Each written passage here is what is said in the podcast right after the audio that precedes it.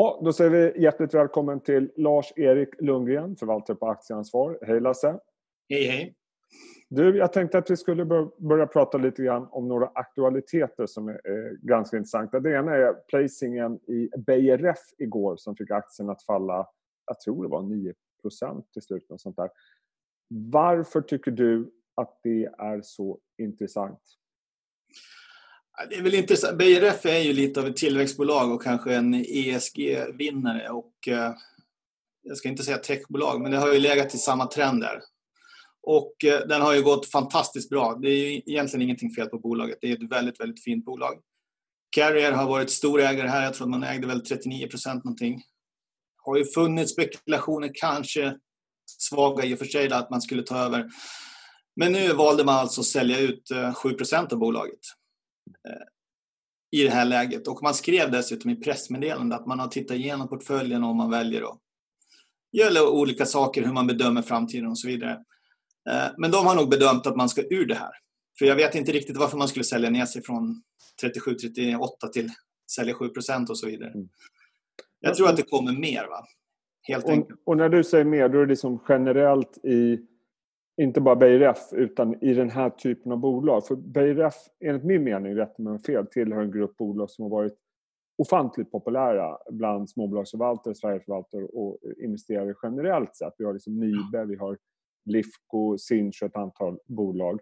Eh, och du har med en graf som jag tror visar senaste två månaderna på vad man kallar tillväxtaktier mm. mot börsen.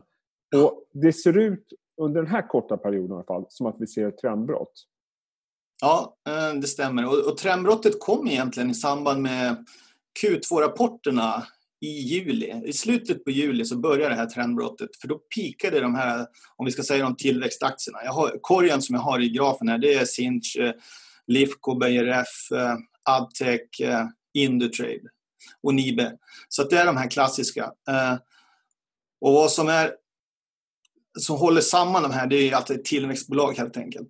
Men på något sätt så var det så att de pikade och jag vet inte om det är att deras momentum har avtagit eller om det är helt enkelt så att de cykliska bolagen kom in lite bättre och att man ser att det ändå vänder här. Men vi kan ju bara konstatera ja. att de har hoppat ut här. För vi ser ju samma vad man säga, trend i USA även fast det är en mm. annan kategori av aktier. Om vi tittar på de här de stora fangbolagen som har drivit börsen väldigt mycket. De är liksom tror jag, ner 15 procent sen ja, toppen för inte så länge sedan. Precis. Fangbolagen, eller i alla fall de som jag definierar där, lite godtyckligt kan man säga, i korgen, de är ner ungefär 15 procent. Och tittar du på ett bolag som Apple så är väl de ner 25, kanske lite mer till och med just idag. Eh, så de här har ju på något sätt smugit sig ner utan att vi nästan har noterat det faktiskt. Och 25 procent är ju ändå det är ett stort fall. Nu kommer de ju från höga nivåer, det ska man ha klart för sig. Men det kan ju vara en eh, spricka, den, liksom, lite av den första sprickan man ser i den här tech-bubblan, eller ska vi säga. Kan, kan det inte vara så liksom att vi, vi har gått in i hösten, historiskt sett så är det kanske säsongsmässigt lite svagare period just nu, ökad coronaoro, vi har presidentval och så vidare, att man bara plockar hem vinster där det har funnits. Att det här kan studsa upp igen. Ja, naturligtvis kan det vara så. Fangaktierna som, som den här korgen är ändå upp 50 det här året så att, de har ju gått fantastiskt bra. Eh, men det är ändå, tycker jag, spännande att se att de här Nicola, NanoX och lite andra sådana saker som, som kanske är en scam eller inte. Eller, de är i alla fall väldigt, väldigt håsade de här bolagen. Vi såg Snowflake som kom in som Warren Buffett var med i, ett cloudbolag. Mm. Som första lagen handlas till 66 miljarder dollar. De omsätter 250 miljoner dollar mm. i år och förlorar ungefär lika mycket. Det är fantastiska bolag men alltid när man toppar ut på något sätt så, så är det ju de här sakerna som kommer först. Om, man, om man trycker ner Nicola nu så ser man ju ändå att man kan inte komma till marknaden med nästan vad som helst. Det har man ju kunnat historiskt här den sista tiden. Eh, Eh, jag tänkte, ja, intressant, vi ska, prata, vi ska toucha det här ämnet lite senare också, men jag tänkte att en annan aktualitet, eller jag träffade P.O. Nilsson på P.O. Nilsson Fonder förra veckan och eh, då berättade han att han hade ökat i Telia. Eh, och att en av de saker han såg fram emot det var att relativt nya vdn Alison Kirkby skulle börja gå ut och träffa investerare och berätta lite grann hur hon tänker. Och du har varit på ett sånt möte. Just det. Vad är dina intryck? De är genomgående positiva skulle jag säga. Mer än jag trodde från början. Hon gav ett väldigt solitt intryck. Hon har ju fått lite tid på sig här. Kanske på grund av corona att det har blivit lite lugnare. Hon behöver inte prata med så mycket investerare helt enkelt. Så hon har ju hunnit gått igenom Telia ganska ordentligt.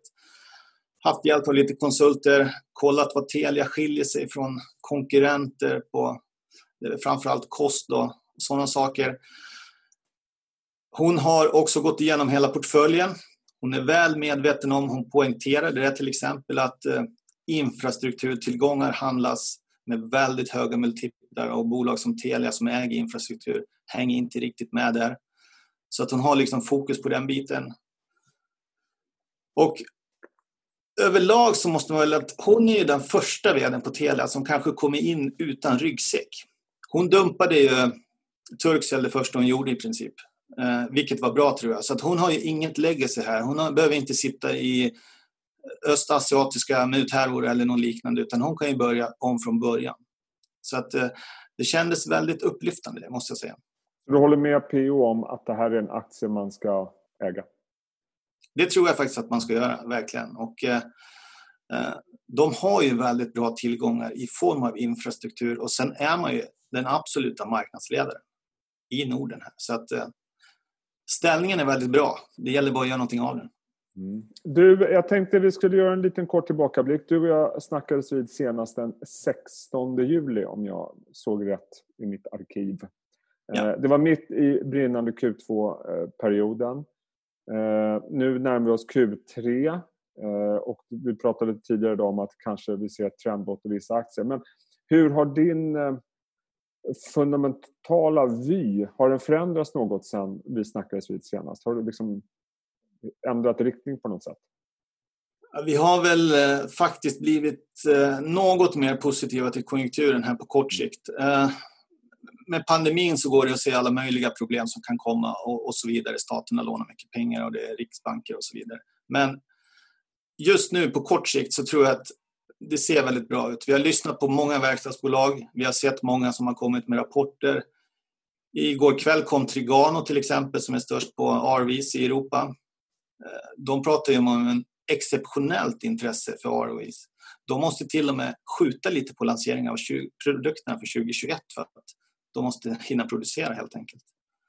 Så att Q3 kommer nog inte att bli det sämsta kvartalet utan det känns väldigt, väldigt bra. Och det kommer nog att spilla in över Q4 också. Får vi problem så kommer det liksom senare. Men jag tror att vi kommer att få ett cykliskt uppsving här och det kan ju vara det vi har sett då. Cykliska aktier kontra tillväxt också. Att, att de tar tillbaka lite mark här. Eh, jag tänkte att vi skulle titta på en graf för att se hur värderingarna har utvecklats för ett antal sektorer. Och det här är egentligen kanske en bekräftelse på vad vi pratade om tidigare också som visar... Det är alltså värderingsökningen på fem och på tio år. Ja. Och dessutom vad värderingen står i nu. Eh, teknik givetvis har sett den största ökningen. Eh, vi har bland bank som har sett en, en eh, minskad värdering. Hur, vad ser du annars härifrån som du tar med dig när du lägger ditt pussel? Det, det, är klart att det ser, det ser ganska dyrt ut eh, överlag, det måste man väl ändå säga. Det är få sektorer, men verkstad handlas väl 20-30 procent mm. över, över snittet så att säga. Och, och, då när jag tittar på det här så tittar jag ändå på vinsten för 2021, så jag tittar på next annual vinst hela tiden. För att få bort det här 2020. Eh, men det är också ett resultat av att Räntorna är så låga, centralbankerna har stimulerat så oerhört mycket. Va? Och sen känns det lite som att vi handlar ju mer och mer börsen på momentum. Och nu har vi en, vi är liksom i en tillväxt eller en återhämtningsfas. Jag tror att Sundling pratade om det med dig tidigare för några dagar sedan. Om att vi är ju i en liten återhämtningsfas här från, ja. från corona. Och, eh, då gäller det att hänga på. Då är det inte själva nivåerna på vinsterna som är jättenoga utan det kommer lite senare när vi börjar plana ut. Och, eh, ja, man kan alltid vara orolig men, men jag tror inte man behöver vara det just nu så att säga.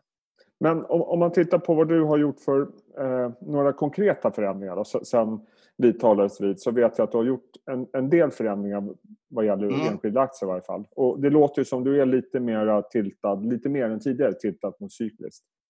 Ja, det är vi. Eh, vi har till exempel köpt både Autoliv och vi har köpt eh, Veoneer eh, som jag var inne lite av och till, men, men de har vi köpt nu. Bilproduktionen generellt sett har ju fallit ganska kraftigt överlag. Och där tror jag faktiskt att vi kommer få ett upptick. De, de har liksom kommit ner till nivåer där vi, där vi nästan måste få ett upptick om inte vi ska göra en total nedstängning igen, vilket jag tror är väldigt, väldigt osannolikt. Så där tror jag vi har lite momentum med oss helt enkelt.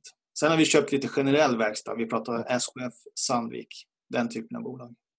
Och, och sen eh, hörde jag också att du har köpt lite mer fastigheter. Det är ju faktiskt en sektor som mm. äntligen för de som gillar fastigheter har börjat återhämta sig. Eh, och jag tänkte att vi ska titta på en graf som jag tyckte var superintressant. Eh, som visade på Castellums finansieringskostnader. För det här var ju den stora oron i, i början av pandemin. Eh, att fastighetsbolagen skulle, eller det skulle vara svårt att refinansiera helt enkelt. Du får nästan berätta själv, för den här tycker jag är på något sätt en illustration över hela pandemiutvecklingen på något sätt. Ja, den här grafen går ju tillbaka till 2018 och det är alltså en treåring. Den faller 2023, så den var ju lite längre om man går tillbaka. Då. Men det, det visar ju ungefär hur marknaden har reagerat och hur långt ner vi ändå har kommit. Mm. Och vi är ju, vi är ju nere och tangerar de lägsta nivåerna. Och sen, vi var ju ungefär där innan pandemin och då gick det ju brant, brant upp för då var ju alla livrädda helt enkelt. Och sen så har vi kontinuerligt fallit hela året.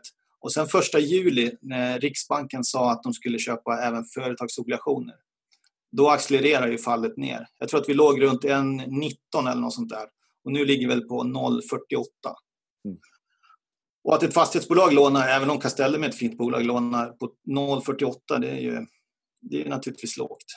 Ja, och det visar väl också att eh, man, risken för fastighetssektorn har minskat därmed också om man ser rent finansiering, finansiering som, är, som är jätteviktigt för dem.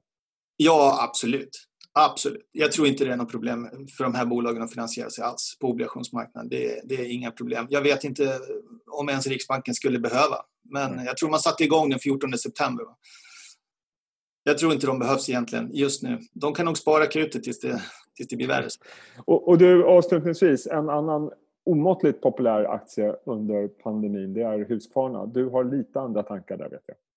Ja, vi, ju, vi har ju varit med där ett tag då, så att under sommaren så sålde vi ut eh, alla Husqvarna och det är ju lite av det här eh, konsumenttilten. Och nu kanske den har gått ett, lite längre än jag trodde från början för att vi kanske blir hemma lite längre då. Men själv har jag svårt att se hur vi ska kunna upprepa sådana här saker. Eh, därför att jag ser det som att det här är en förskjutning i tid av konsumtion och ingenting annat. Jag tror inte att det är en strukturell trend utan det är bara att man köper de här grejerna nu. Och det gäller ju mycket av de här bolagen som Bygghemma, Byggmax. Eh. Man kommer ju inte att köpa en till gräsklippare och man kommer inte att köpa en till. Visst, absolut.